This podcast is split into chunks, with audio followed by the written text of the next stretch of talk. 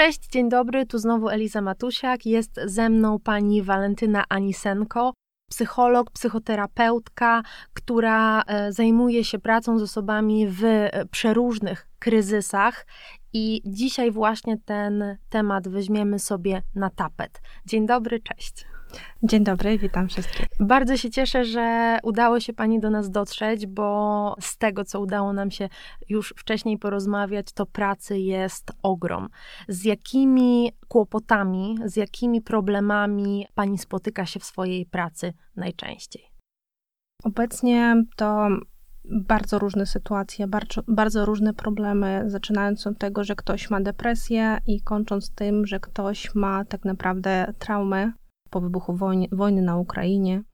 E, tak jak obecnie więcej się zajmuję rosyjsko- albo ukraińskojęzycznymi e, pacjentami albo klientami, zależnie od tego, gdzie jestem, czy w klinice przyjmuję, czy u siebie w prywatnym gabinecie, to e, bardziej spotykam ludzi, którzy mają problemy z tym, jak sobie poradzić z kryzysem, z, ze stresem albo z traumami powiązanymi właśnie z informacjami, które do nich przypływają z Ukrainy, od ich rodzin.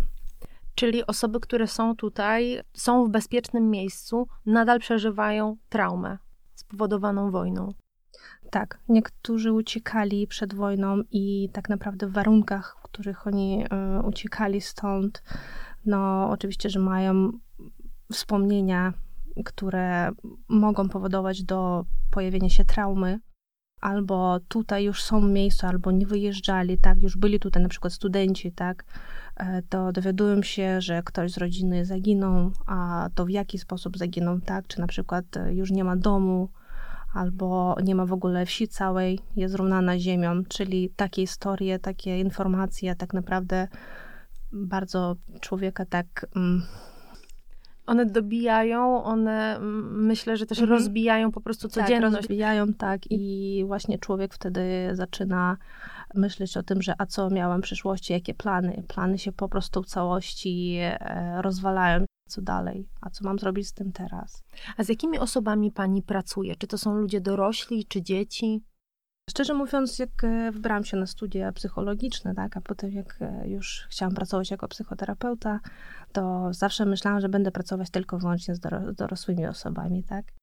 A tutaj, e, tak jak w Łodzi, jak okazało się po wybuchu wojny, że za mało rosyjsko- albo ukraińskojęzycznych psychologów, psychoterapeutów, to jeżeli nie ma mamie, która przyjechała tutaj z dwójką dzieci w wieku tam na przykład 5-12 lat, ona nie ma gdzie iść. Czyli musiałam tak szybciutko szukać informacji, pytać u kolegów co i jak, czyli dużo literatury przeczytać, żeby naprawdę pomóc tym dzieciom, bo niestety, jeżeli e, nie dostaną tej pomocy, może być gorzej potem w przyszłości, czyli zaradzić przynajmniej coś, jakaś taka pomoc.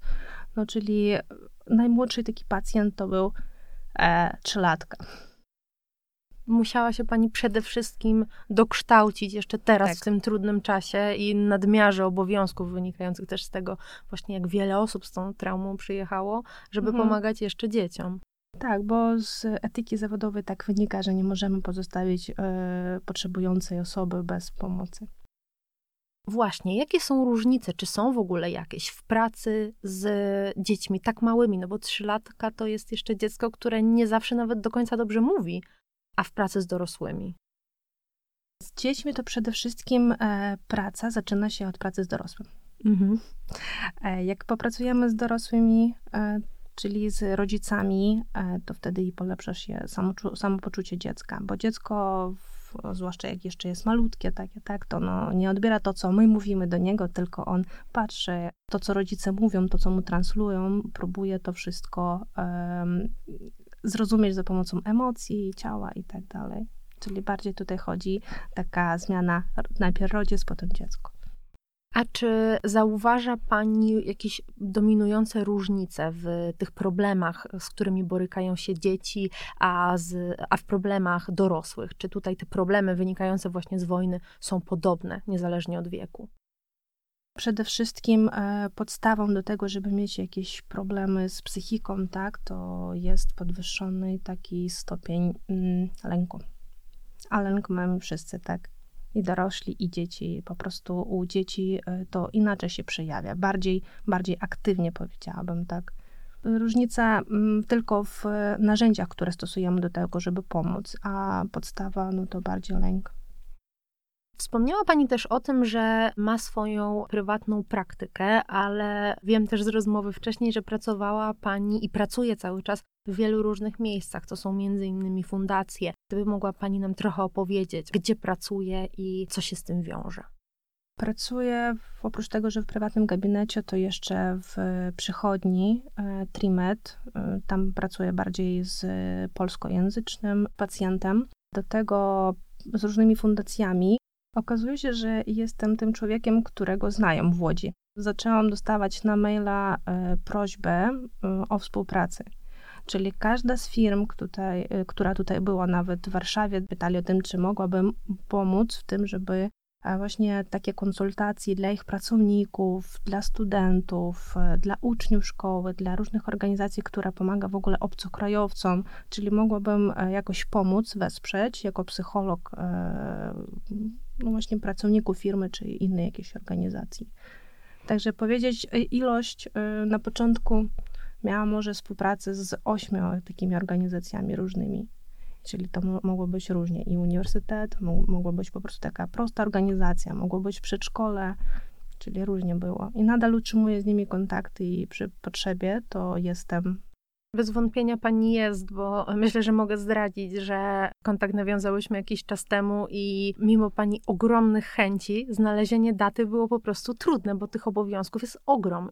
E, tak, zdarza się czasami, ale też e, warto tutaj zadbać o siebie, Właśnie chciałam o to zapytać. Jak radzi sobie osoba, która z takimi trudnymi emocjami pracuje? No przede wszystkim to, z czym pracuję ze swoimi pacjentami albo klientami, w zależności gdzie pracuję, e, to mm, czuć swoje potrzeby. Jakie mam potrzeby? Jeżeli ja jestem na siłach popracować dzisiaj e, i dać pomoc, e, czyli to taka bardziej interwencja kryzysowa tu natychmiast, to jest ok. Czasami się, zdarza, że mam na przykład kolejkę u siebie zapisaną, ale rozumiem, że nie jestem na siłach, to ja oczywiście uprzedzę tych osób i poszukamy innych terminów. Bo dla mnie, jeżeli nie jestem e, w tym stanie, że mogę pomóc, to uważam, że mogę zaszkodzić tej osobie potrzebującej, a wolałabym bardziej pomóc. Czyli to takie e, uważność do siebie. W poczuciu, że jestem w stanie pomóc, to wtedy pomagam ta uważność wydaje mi się, że jest tutaj takim tematem, który powinien jak taki szyld trochę nad tą rozmową wisieć. Jak możemy pomagać my? Osoby, które nie są psychologami, nie są psychoterapeutami, widzimy kogoś w kryzysie, czy to naznaczonego e, tą traumą wojny, czy po prostu w jakimś kryzysie psychicznym. Co najlepiej zrobić, żeby nie zaszkodzić, żeby właśnie tę uważność mieć przed sobą? Zaczęłabym od tego, żeby po prostu dać tej osobie przestrzeń. Osoba, która potrzebuje pomocy, ona będzie ją szukała. Po prostu być uważnym na coś takiego. Czyli ktoś mówi, że no coś, coś ze mną się dzieje, nie rozumiem, co się dzieje, nie daję rady, jestem zmęczony, cały czas jakoś e, nie daję sobie rady we wszystkim, nie mam chęci do nauki, nie wiem, co ze mną będzie dalej. Czyli taka osoba szuka też możliwości kontaktu i zrozumienia. Czyli jak słyszymy coś takiego, to możemy zaproponować po prostu albo rozmowę, w tej rozmowie może wyjść coś takiego, że możecie nawet zaproponować e, pomoc psychologiczną czy psychoterapeutyczną, albo nawet lekarską, bo czasami psychoterapeuty czy psychologa nie wystarczy, a człowiek potrzebuje jednak pomocy psychiatrycznej, czyli leczenia farmakologicznego. Czyli przede wszystkim wysłuchujemy najpierw, wysłuchujemy. niczego nie narzucamy, mhm. dajemy czas, dajemy przestrzeń i jeżeli trzeba, to wskazujemy, gdzie szukać takiej pomocy mhm. profesjonalnej. I właśnie, gdzie ją możemy znaleźć, zwłaszcza w odniesieniu do osób, które potrzebują jej w języku ukraińskim albo rosyjskim. Jak się okazało, że teraz już na chwilę obecną e, jest więcej tych psychologów rosyjsko- albo ukraińskojęzycznych, bo też e, wojna doprowadziła do tego, że specjaliści też wyjeżdżają z Ukrainy i też mogą udzielić teraz wsparcia tutaj w Polsce, czy w Niemczech, czy w innych krajach, czyli spotykam e, swoich kolegów, którzy już przeprowadzili się do innego kraju i udzielają wsparcia tam na miejscu u siebie. I też zauważyłam, że e, większość z nas, tak samo jak i ja, e, robimy coś takiego, że jesteśmy tutaj, ja na przykład w Polsce, moja koleżanka jest w Niemczech, ale pomagamy Ukrainie, czyli pomoc taka psychologiczna online. Czyli jesteśmy w bezpiecznym miejscu, zadbaliśmy o siebie i możemy teraz udzielić pomocy, wsparcia innym. A jak szukać tą pomoc? Bardzo mm, prosto wpisujemy w Google bezpłatna pomoc psychologiczna dla Ukraińców albo dla uchodźców. I tak naprawdę super, sporo tych różnych ofert, propozycji, e, różne przychodnie, różne organizacje, czyli jest tego, jest tego dużo. Co myślę, że ważne i też powinno z nami zostać, to to, że ta pomoc online, e, to ta rozmowa online jest równie wartościowa, co takie spotkanie twarzą w twarz. Jeżeli nie możemy gdzieś pojechać i e, znajdujemy psychologa czy psychoterapeutę w innym mieście, to nadal warto z tego skorzystać.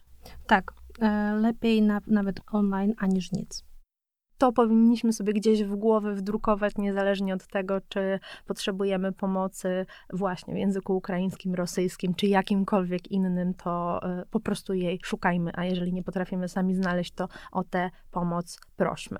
Bardzo dziękuję Pani za rozmowę. Była ze mną Pani Walentyna Anisenko.